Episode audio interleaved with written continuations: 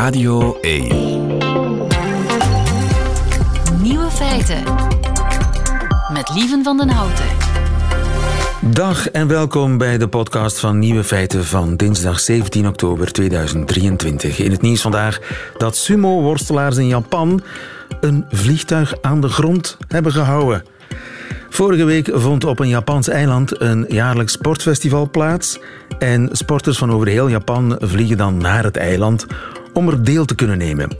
Maar vlak voor vertrek ontdekte het personeel van de vliegmaatschappij, Japan Airlines, dat de vlucht niet kon vertrekken. Wegens te zwaar. Hadden al die sporters te veel bagage meegenomen? Nee, het waren de sporters zelf die te zwaar waren. Met name de sumo-worstelaars, gemiddeld 120 kilo. De worstelaar. De piloot was bang dat het vliegtuig niet genoeg brandstof kon dragen om al die sumo-worstelaars op het eiland te krijgen. Maar een oplossing werd snel gevonden. Een tweede vliegtuig, waardoor de sumo-worstelaars in gespreide slagorde veilig op hun bestemming aankwamen. De andere nieuwe feiten vandaag. Twee mannen zijn in koelenbloedig geëxecuteerd in Brussel, alleen maar omdat ze Zweeds waren. Rien Emery checkt de echtheid van de vele filmpjes over die aanslag die op de sociale media circuleren. En Juri Kortens van Natuurpunt die gaat op beverjacht. De nieuwe feiten van Nico Dijkshoorn die hoort u in zijn middagjournaal. Nieuwe feiten. Want er zijn gisteren in Brussel twee Zweedse mannen vermoord omdat ze Zweeds waren. Alleen maar omdat ze Zweeds waren.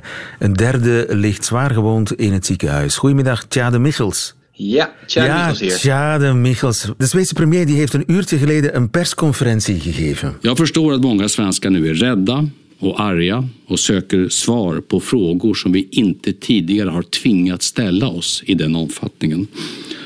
Precis som vid tidigare dåd så måste vi nu dra några slutsatser. Det första är att vi ska värna vårt öppna demokratiska samhälle. Vi ska stå upp för och stå fast vid våra egna värderingar. Samtidigt måste vi skydda Sverige och svenska liv bättre. De Zweedse premier die uh, zei dat uh, de Zweedse waarden belangrijk blijven. Uh, dat hij begrijpt dat veel Zweden bang en kwaad zijn. Dat er nog veel vragen open liggen, weinig antwoorden. Maar dat de Zweden ook vasthangen aan hun waarden en een open samenleving willen blijven. Is het land in shock? Ja, dat kan je wel stellen, absoluut. De, de, de, de schok is groot. Um, uh, de premier had het over duistere tijden, donkere tijden. En dat is ook wel een gevoel wat bij ja, wel meer mensen leeft. Uh, het is echt het gevoel dat Zweden op dit moment in de hoek is, uh, staat waar de, ja, waar de klappen vallen. En um, hij zei inderdaad, we moeten onze open samenleving um, verdedigen. Maar hij zei er ook bij, we moeten niet naïef zijn. Um, we moeten ervoor zorgen dat die open samenleving verdedigd wordt. Uh, we moeten bijvoorbeeld ervoor zorgen dat onze Europese buitengrenzen dat die beter beschermd worden. Maar ook binnen in Zweden, en is, eigenlijk was dat een boodschap voor heel Europa, moeten wij ervoor gaan zorgen dat mensen die geen verblijfsvergunning hebben ook echt gaan uh, ook echt vertrekken uit, uit, het, uit het land en uit Europa. hij noemde dat um, ja, een, directe, ja, een directe bedreiging van de, van de veiligheid. Ja, de dader is ook een paar keer in Zweden geweest, zo blijkt. Ja, precies. Ook dat, dat was eigenlijk het nieuws uit de persconferentie, dat premier Christensen dat zei. Uh, hij zei daar verder, kon daar verder weinig over vertellen wat hij hier dan precies uh, gedaan zou hebben, de, de, de, dader. Duidelijk is wel dat het uh, geen bekende was van de Zweedse politie. Maar hij gaf wel aan, uh, de premier, dat het inderdaad dat dit het ongewenste is wat hem betreft. Dat iemand zonder verblijfsvergunning door Europa kan reizen. Um, en um, ja, dat is ook zeker in Zweden, waar de terreurdreiging al onlangs omhoog is gegaan, twee maanden geleden. Um, zijn ze ook in het binnenland bang dat Um, ja, ook mensen door die um, ja, open grenzen, uh, ook uit het buitenland, naar Zweden toe zouden kunnen komen voor een aanslag. Um, nou ja, goed, nu was de aanslag natuurlijk uh, bij jullie in, in Brussel. Ja, nu, hij verwees ook naar, we blijven vasthouden aan onze waarden. Een van die waarden is natuurlijk uh, vrijheid van spreken, freedom of speech. Uh, want dat heeft natuurlijk te maken met, dat is eigenlijk de bron van die aanslag, mogen we aannemen. Dat er uh, onder de vlag van die vrijheid van meningsuiting in Zweden uh, Koranverbrandingen zijn gebeurd. Hè? Ja, dat klopt helemaal. Uh, daar gaat de premier eigenlijk gewoon vanuit dat het daarmee te maken heeft. Dat is inderdaad ook die open samenleving die, die verdedigd moet worden. Um, ja, het is, uh, Chris, die schetste net ook het beeld van inderdaad dat die dreiging is toegenomen. Hè. Er zijn uh, concrete terreurdreigingen op dit moment van vijf, zes terreurorganisaties tegen Zweden, die ook oproepen om Zweden in het buitenland aan te vallen wegens die Koranverbrandingen.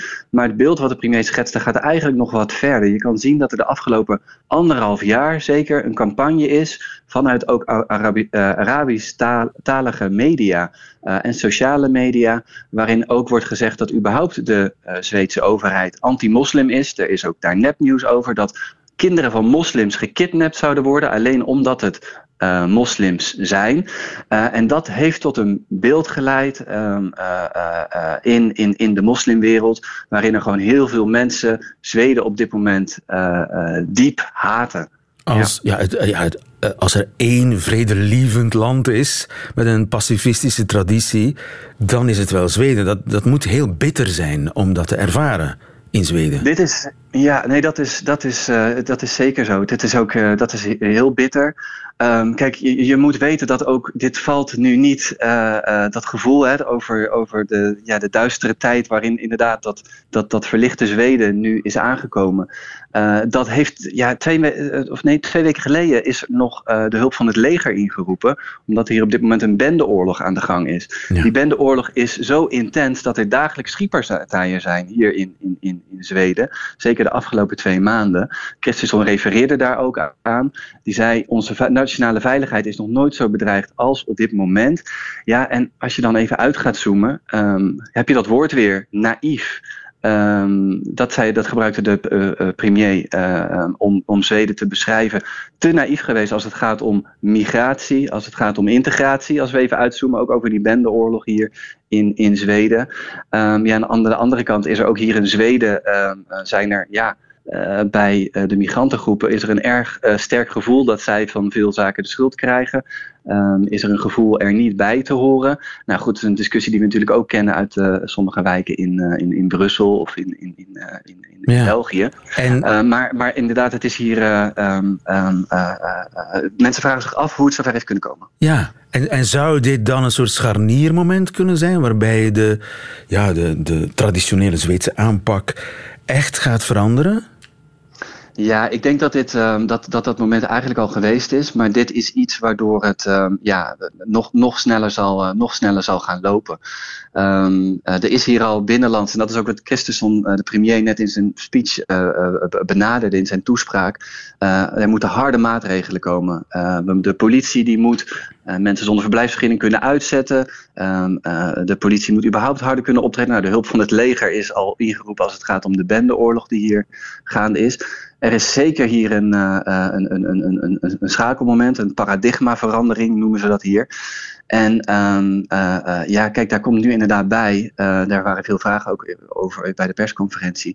Ja, kunnen wij nu als Zweden in het buitenland nog Zweeds praten of moeten we voortaan Engels gaan praten? Hoe groot is die dreiging tegen ons eigenlijk?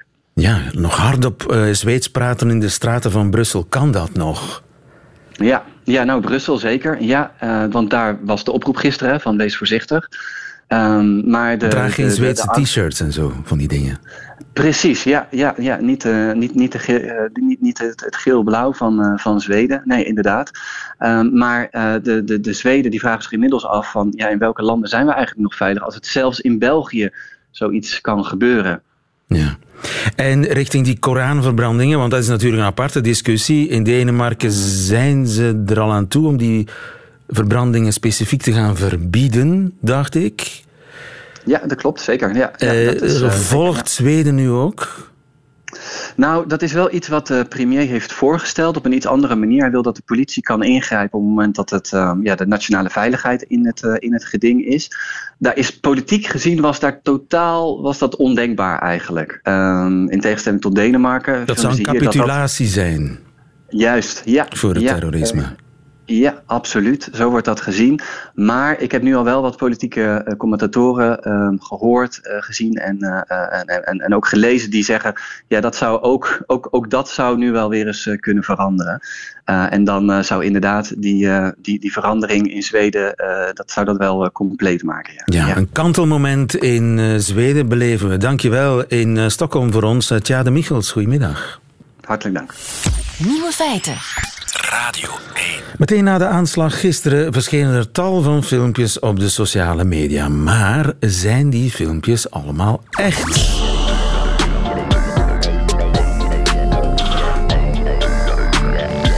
De nieuwe feitenchecker. Rien en Marie heeft niet zoveel geslapen vannacht. Hè? Rien, goedemiddag. Nee, nee. Overigens, onze nieuwe feitenchecker. Goedemiddag.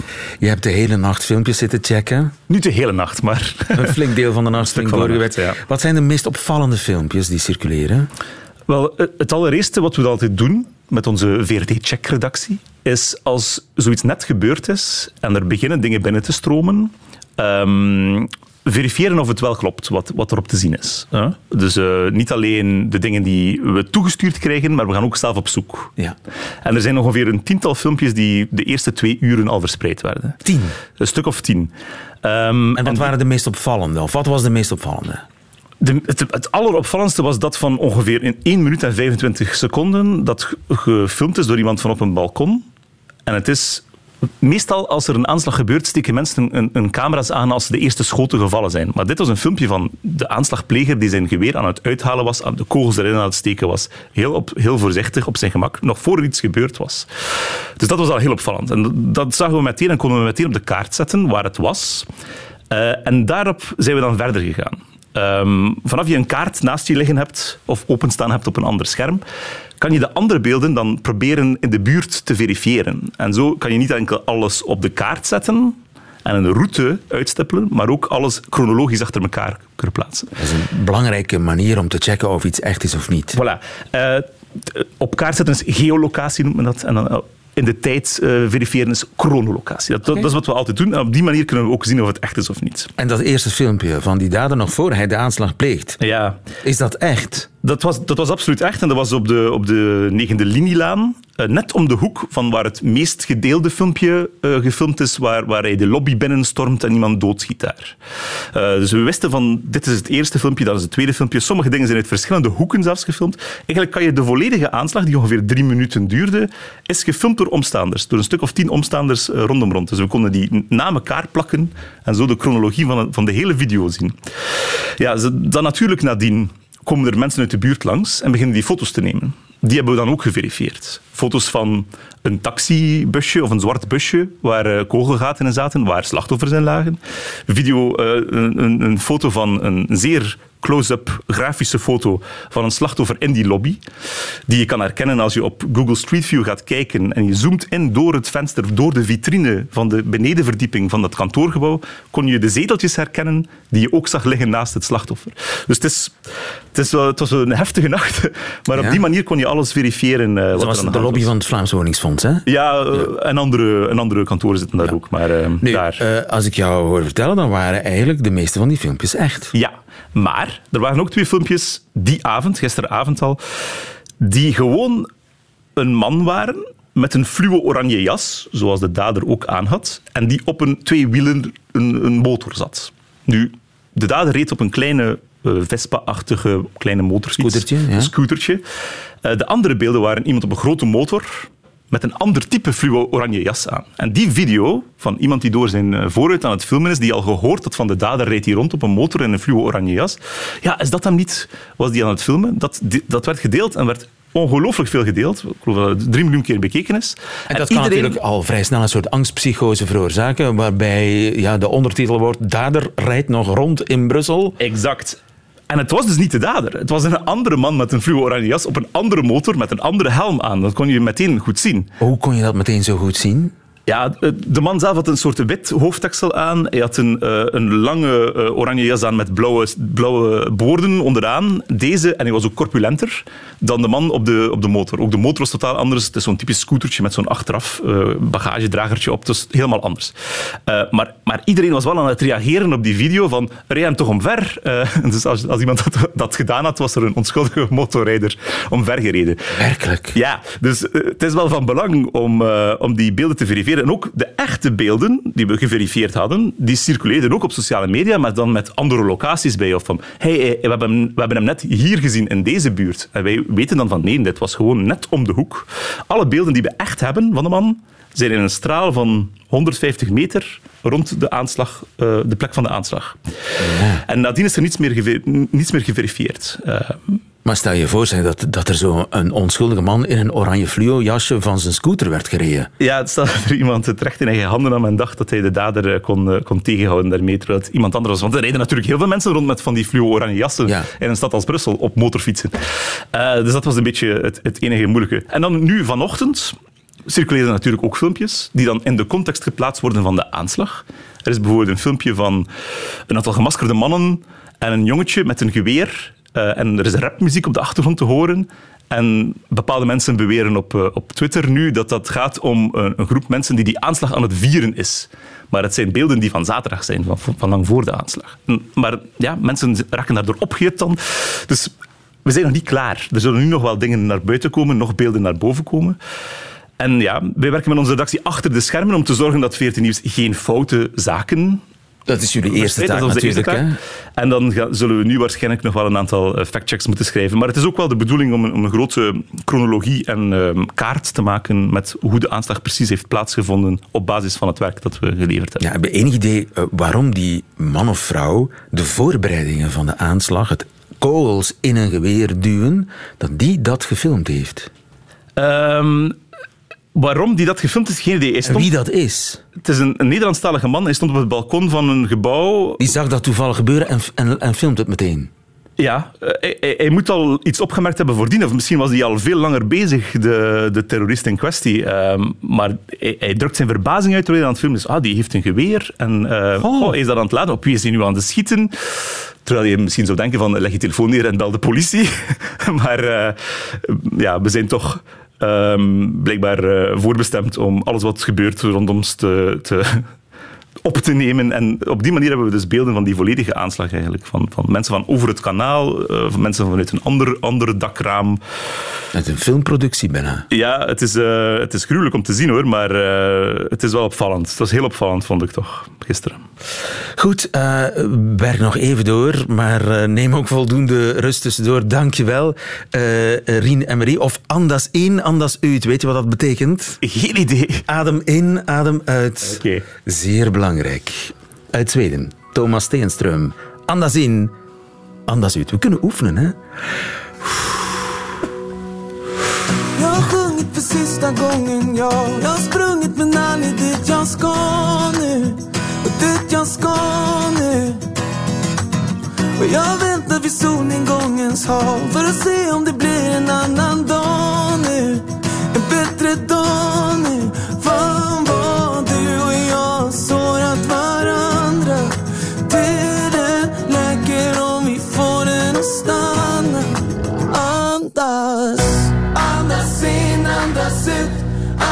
Andas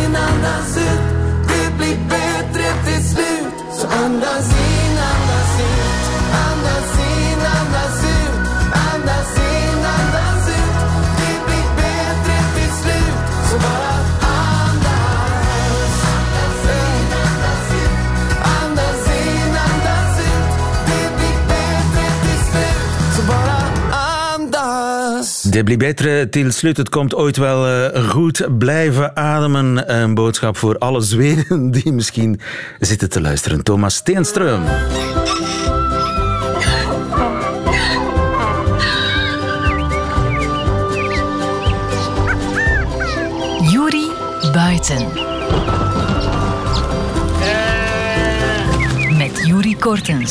Ja, ook op deze toch wat verbijsterende dag hebben Jury Kortens naar buiten gestuurd. Jury Kortens van Natuur, Natuurpunt op zoek naar allerlei merkwaardige gegevens in de nieuwe feiten in de natuur. Jury, goedemiddag. Goedemiddag. Jury, waarbij ik hoor een stofzuiger, kan dat? Ze zijn hier in de verte aan het maaien. En dat is Ah. zo, zo, zo een zuigmachine die ook meteen al dat maaisel opneemt. Het is nogthans echt wel anderhalf kilometer van, Het is van hier in de verte, maar ik Het heb scherpe oren. Waar ben je en wat ben je aan het doen, Jury? Wel, wel, weet je nog, lieve, dat ik in het voorjaar eens een keer gaan vissen ben? Ik ben eens eh, stekelbaarsjes gaan vangen. Ja. Ja, ja. En ik vond daar toen merkwaardige knabbelsporen. Heel klein, kleine tandjes op, op hout. Dus dan denk je meteen, oh, dat zou misschien wel een bever kunnen zijn. Maar het was zo onduidelijk dat, dat een haas ook niet uit te sluiten was. Ehm, en ondertussen heb ik hier net wat meer zekerheid gekregen. We Hoezo? zitten inderdaad, we zitten inderdaad met, eh, met zelfs een beverpaardje dat zich ja, sinds die periode gevestigd heeft in onze contraien. Eh, In eh, onze contraille, je bedoelt de Kempen. De Kempen. Nu, er zitten ondertussen al, al, redelijk wat, eh, al redelijk wat bevers hoor. Maar dit is zo'n nieuwe, een nieuwe plek die, eh, die gevonden is. En nu wordt het echt al maar zichtbaarder. En dat zie je nu ook eigenlijk overal. Dat de typische beversporen, zo wat glijbaantjes die naar het water en van het water weggaan, eh, dat die prominenter worden. Want de- de- Glijbaantjes? ja, dat zijn glijbaantjes. Zij komen van de oever afgeschoven, gegleden of moeten daar terug omhoog klimmen.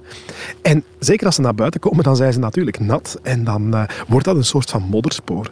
En Ah, maar gras- is dat die platte staart die over de, over Ja, de aarde, ja, de ja, modder, en dan, dan zie je... Dan, ah ja. Ja, ja dat, Maar zie, je dat zegt- zie je ook letterlijk. Ik, het, het is een koppeltje. Heb je hen met je eigen ogen al gezien? Ik heb ze met mijn eigen ogen gezien. Zowel live als ook eh, op wildcamera. Want ik ga nu ook nog eens eh, de camera weghalen. Ik heb die daar geplaatst om te kijken hoe dat ze doen en, en waar ze naartoe gaan en zo. Ehm, want dat is, ja, dat, is, dat is een nieuw gegeven. Dat is altijd wel heel fijn dat er eh, zo van die iconische dieren terugkomen. En dat is toch wel zeker het geval bij de bever. Dat is een iconische soort die als een soort van ja, ecosysteemingenieur onze, onze, onze, onze natuurgebieden beheert als het ware. De waterstand op een, eh, op een juist peil houdt. Is dat zo? Want ja, ze hebben wel een slechte naam. Hè? Dat ze eh, overstromingen veroorzaken en zo. Je zegt het ja. waterpeil gezond Ja. houden. Ja, over het algemeen wel hoor. Want eh, wat je ziet is dat, dat ze eventueel, wanneer er overstromingsgevaar zou zijn vanuit bevers, dan komt dat meestal omdat men gebouwd heeft op ja, wat men vroeger waterzieke gronden noemde. Eh, we hebben dat steeds meer en meer gedaan. Dus we zijn steeds meer in zo wat ja, diepere eh, delen van het landschap gaan bouwen. En op sommige locaties, heel af en toe, komt daar zo wel eens een, eh, een ver- verhoogde waterstand voor. Dat dan eh, natte kelders bijvoorbeeld als gevolg heeft. Maar waarom doen ze dat? Is dat voor de lol? Eh, nee, het is niet voor de lol. Het is eigenlijk, zij willen, zij willen een, een constant waterpeil. Eh, een constant waterpeil, omdat de ingang naar hun hol of naar hun burcht, want ze kunnen ofwel een hol maken in de oever ergens, en dat is hier waarschijnlijk het geval, of hun burcht, die dan bestaat uit een grote hoop takken bovenop de oever waar zij onder zitten. Maar de ingang daar naartoe, die moet onder water blijven staan. Dat is hun veiligheid. En als je dan eh, een, een, een waterloopje hebt bijvoorbeeld, dan, dan stroomt dat water altijd weg. Dat kan dus heel veel water of heel weinig staan. En ze willen dat een beetje nivelleren. Ze willen dat constant houden. Ehm, hier is dat niet nodig, want ze zitten op een vijver. Dus het is, het is een, een voormalige vijver. En die waterstand is eigenlijk nagenoeg altijd goed. Ja. Maar het beekje dat er langs loopt, waar ik die visjes heb, in heb gevangen, dat is eigenlijk dikwijls maar laarsdiep. Dus dat is voor hen niet zo interessant om daar door te zwemmen. Dus hebben ze een, een mini-dammetje gemaakt. Oh. Maar niet van grote takken, maar wel van, uh, van maaienstengels. En dat heb je al gezien, dat dammetje. Ja, ja, dat dammetje dat is daar ook. En dat geeft dan een gevolg van dat je, dat je 15, 20 centimeter meer water hebt in het stukje beek waar dat ze willen zwemmen. En dat, dat doet eigenlijk niet zoveel kwaad. Het is geen gevaar voor de omgeving um, en ook niet voor, voor de rest van, uh, ah, ja. van En uh, je hebt ze ook in het echt al gezien. Zijn dat geen schuwe beestjes?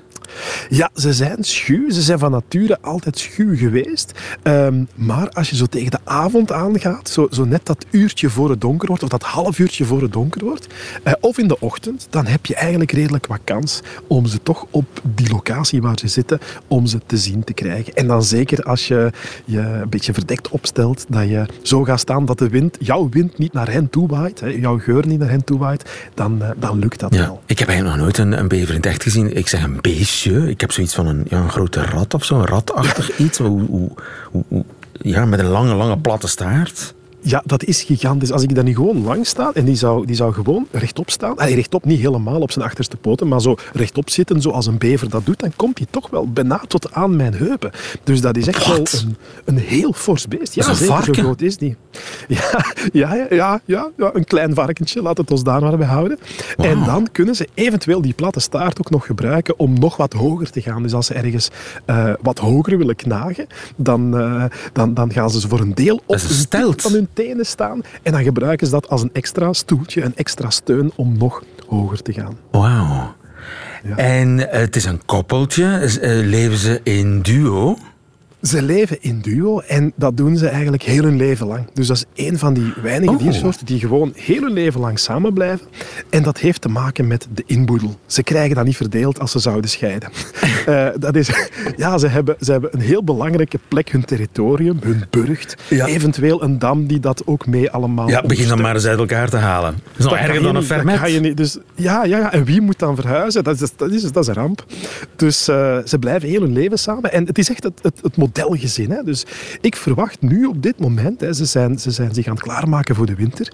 En in die wintermaanden dan breekt de paartijd aan. Dus, en dan ergens tegen eind april, begin mei, worden er jonge bevers geboren. En die blijven dan ja, bijna twee volledige kalenderjaar, laat ons zeggen anderhalf jaar In die ongeveer bij de ouders. Niet in de burcht, maar wel bij de ouders. Ah ja. Dus volgend jaar hebben ze dan een tweede nestje. Hebben ze dus, la- laat ons zeggen, kleine babybroertjes en zusjes. Maar dan gaan de grote broers en zussen ook nog meehelpen bij dat huishouden. Eh, zorgen dat, de dat de in orde blijft. Dat klopt, ja. Dat is, dat is Echt een Dat zijn de plankaart plankaards uit de natuur. De ja, familie zijn- Bever. Ja, Enfin. maar dat is dan een kangoeroewoning, want dat zijn Ja. verschillende generaties bij elkaar. Ja. Eh, dus- en, eh, sorry dat ik het zo lelijk vraag, maar hoe vrijen bevers? Ik kan me dat moeilijk voorstellen. ja, die staart zit in de weg, hè. Ja. Dus eh, je hebt zo'n hele platte staart. En die bevers die, eh, die doen het buik aan buik. En dat is redelijk zeldzaam, want de meeste dieren hebben dat niet. Eh, de mens heeft dat. De dolfijnen die doen dat eh, buik aan buik. Maar bevers dus ook, omdat anders die staart wat in de weg zit.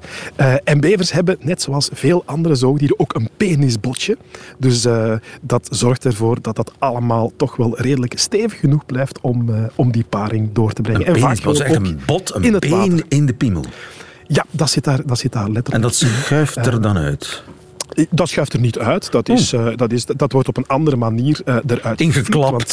Ja, ja, het is een soort van inklap- of uitklaptafeltje, maar dan in de vorm van een, eh, een penisbot. En die vacht, hè, want ze zitten bijna constant onder water. Moeten ze die niet onderhouden? Daar is, daar is heel wat onderhoud aan, aan nodig. De bever is een van die dieren die ja, evolutionair in, in de, de rol is gerold van ik heb een goede isolerende vacht. Een beetje vet, maar, maar vooral heel veel vacht dat daar rond is. Dat zijn, dat zijn tot 23.000 haartjes per vierkante centimeter. Dus als je de gewone standaard mens de hoofd, het hoofd neemt, dan zit 300. En dit zijn er 23.000. Dus die is heel dicht op elkaar. En zij hebben dan ja, een olie die uit hun, eh, uit hun cloaca komt, achteraan aan die staart. Zij kunnen dat daarmee invetten. En zij kunnen ook hun haar, ja, laat ons zeggen, op orde houden. Ze hebben een soort van kammetje altijd op zak. Want eh, de teennagels die zijn gespleten. En dan kunnen zij daarmee door hun haar wrijven. Een beetje zoals Dat wil ik ook. Travolta. Ik wil ook een kam Ja. altijd bij hebben. Zeg, en, Ja, ja, ja. eh, stinkt dat niet, die olie? Eh, wel nee, daar is, daar is een, een bepaalde geur aan en dat vind ik nu ook zo ongelooflijk tof. Dit jaar heb ik dat ontdekt. Ik ontdek heel regelmatig nieuwe dingen in de natuur. Eh, dat die bevers die gebruiken dat ook om hun leefgebied af te bakenen. Dus ze maken een klein hoopje van modder of eventueel een klein beetje plantendelen en daar sproeien ze dat, dat goedje overheen. Dat heet bevergeil. Zo wordt dat genoemd. En, eh, ik, Dat heet echt bevergeil. Dat is de nette Ja, officiële term. dat is de nette officiële term. Dus ik ben daar eens aan gaan snuffelen aan zo'n hoopje dat ik vond. En ik, toch. ik ging bijna achterover. Dat was een combinatie van schoensmeer met detol. Allee, zo leek het. Zo kon Hmm. Volgens ik het mij eten de. Engelsen dat op. Waarschijnlijk, ja. Dus, eh, nee, dat Marmite. een- Nee, dat is gewoon... Nee. Ja, dus dat is echt een, een, heel, een, heel, gekke, een hele gekke combinatie. Ehm, en nu, als ik nu ergens in een gebied kom waar bevers leven, Ik zweer het, ik ruik ze. Ik ruik ze voordat ik sporen gevonden heb. Dus dat is, dat is echt onwaarschijnlijk hoe, uh, hoe sterk dat, dat gaat. Maar je moet dat leren herkennen. En ja, dat heb ik nu sinds enkele maanden onder de knie. Dus de bevers zijn aangekomen in de Kempen, ook in jouw buurt. Maar daar eh, kunnen we alleen maar blij om zijn. Zelfs de boeren moeten niet bang zijn voor knaagschade? Uh, er, is, er, is, er is een beperkte mogelijke knaagschade, bijvoorbeeld aan maïs. Uh, maar dat gaat niet gigantisch veel zijn, want dat zijn niet zo van die, uh, van die enorme schrokoppen. En sowieso, als er ergens problemen zijn, dan zijn daar ook compensatiemaatregelen die je vanuit de overheid kan, kan bekomen. in heel sommige gevallen, wanneer er bijvoorbeeld te hoge dammen zijn of dammen die dat dreigen iets onder water te zetten, dan wordt er wel eens actie ondernomen. En dan dan gaat men die in de meeste gevallen niet meteen afbreken, want dan bouwt die bever dat gewoon terug opnieuw. Maar wat je kan doen, is daar een soort van lange buis doorsteken, een hele lange buis van, van wel 10 meter lang, uh, die je een klein beetje kan regelen. Dus dat is een soort van doorlaat, een soort van sluisje, maar dat is een ingenieus systeem, want anders zou de bever dan meteen uh, terug dichtstoppen, zo'n buis. Dus als, ik ga het niet helemaal in detail, maar het heet heel toepasselijk de Beaver Deceiver. We hebben zo'n beversluis. Ja, uh, ja, mag je nog heel veel plezier wensen met je beverjacht. Oh ja, Of in ieder geval de jacht op beversporen. En nog heel veel uh, genot bij het ruiken van al ja, die beverparfums. Jurikors, tot volgende week. Tot volgende week. Radio 1. Nieuwe feiten. En dat waren ze weer, de nieuwe feiten van vandaag, 17 oktober 2023. Alleen nog die van Nico Dijkshoorn, die krijgt u nu in zijn middagjournaal. Nieuwe feiten. Middagjournaal.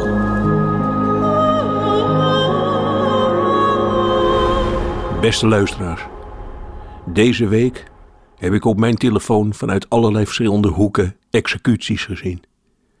Dansende mensen in een woestijn liggen opeens op hun buik naast een auto en dan het bijna achteloze schot door het hoofd. Een passerende Zweedse voetbalfan wordt op dezelfde manier uit het leven gerukt.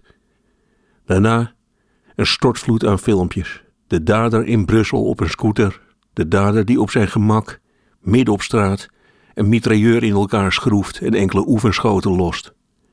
Ook nu weer de bijna terloopse manier waarop de executie wordt uitgevoerd, zoals je een vlieg van je wang slaat. Luisteraars, ik ben al heel oud en voor het eerst verlang ik intens naar de tijd dat nieuws nog moest reizen. Na langdurige onwetendheid en de eigen fantasie die dan een muur voor mij optrok. Een week geleden bezocht ik in Den Haag een fototentoonstelling waarin het werk van een aantal verschillende vrouwelijke oorlogsfotografen werd getoond. En het maakte een verpletterende indruk. Een foto van een Amerikaanse soldaat, schitterend zwart haar en een kop als George Clooney, zonder een kopje koffie. De soldaat ligt ergens in Vietnam bovenop een andere gestorven soldaat. Vlak naast die foto een portret van dezelfde man, gemaakt door dezelfde fotograaf, alleen 40 jaar later. En ik keek meteen naar zijn ogen. Gedoofd, dat is het juiste woord. Er staat een man met een lange verwilderde baard in een verwaarloosde kamer. Zijn lichaam bedekt met tattoos. Luisteraars, nu ben ik zo bang dat wij allemaal die man worden. Dat we de zinloze dood nooit meer uit onze kop kunnen krijgen. Ik had hier deze week zo graag over het afgelopen weekend in Antwerpen met mijn zoon willen praten. Hoe hij mij vlak voordat ik boven een gebakken visje net deed alsof ik verstand had van wijn, veel te luid corrigeerde. Nooit je hand om het glas doen, pap. Steeltje vastpakken als je een slokje neemt. En dat de mensen aan het tafeltje naast ons keken hoe ik daarop zou gaan reageren. Maar luisteraars, zoals ik gisteren al meldde, het lukt me even niet. Mijn lichaam verzet zich na gisteren en de weken daarvoor tegen vrolijk doorkabbelen. Ik moet steeds denken aan alle mensen gisteren in het stadion in Brussel. Ook samen met hun kinderen op stap. En dan opeens een paar uur geen kan meer op kunnen. Luisteraars, ik beloof u dat ik morgen over mijn zoon zal vertellen. Hoe wij op de vrijdagmarkt in Antwerpen over de schrijver Hugo Claus spraken, terwijl er 30 meter naast ons iemand hartverscheurend mooi op een kapotte accordeon speelde. Voor nu De gebruikelijke afsluiting. Ik stop met praten en daarna zoekt de zingende vrouw ook weer naar woorden. Tot morgen.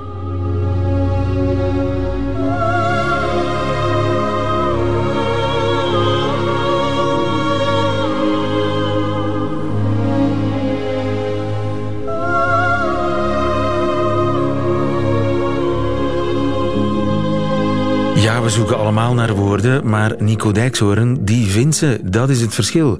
Einde van deze podcast hoort u liever de volledige uitzending van Nieuwe Feiten met alles erop en eraan. Dat kan natuurlijk het beste live op Radio 1 elke werkdag tussen 12 en 1. Tot de volgende.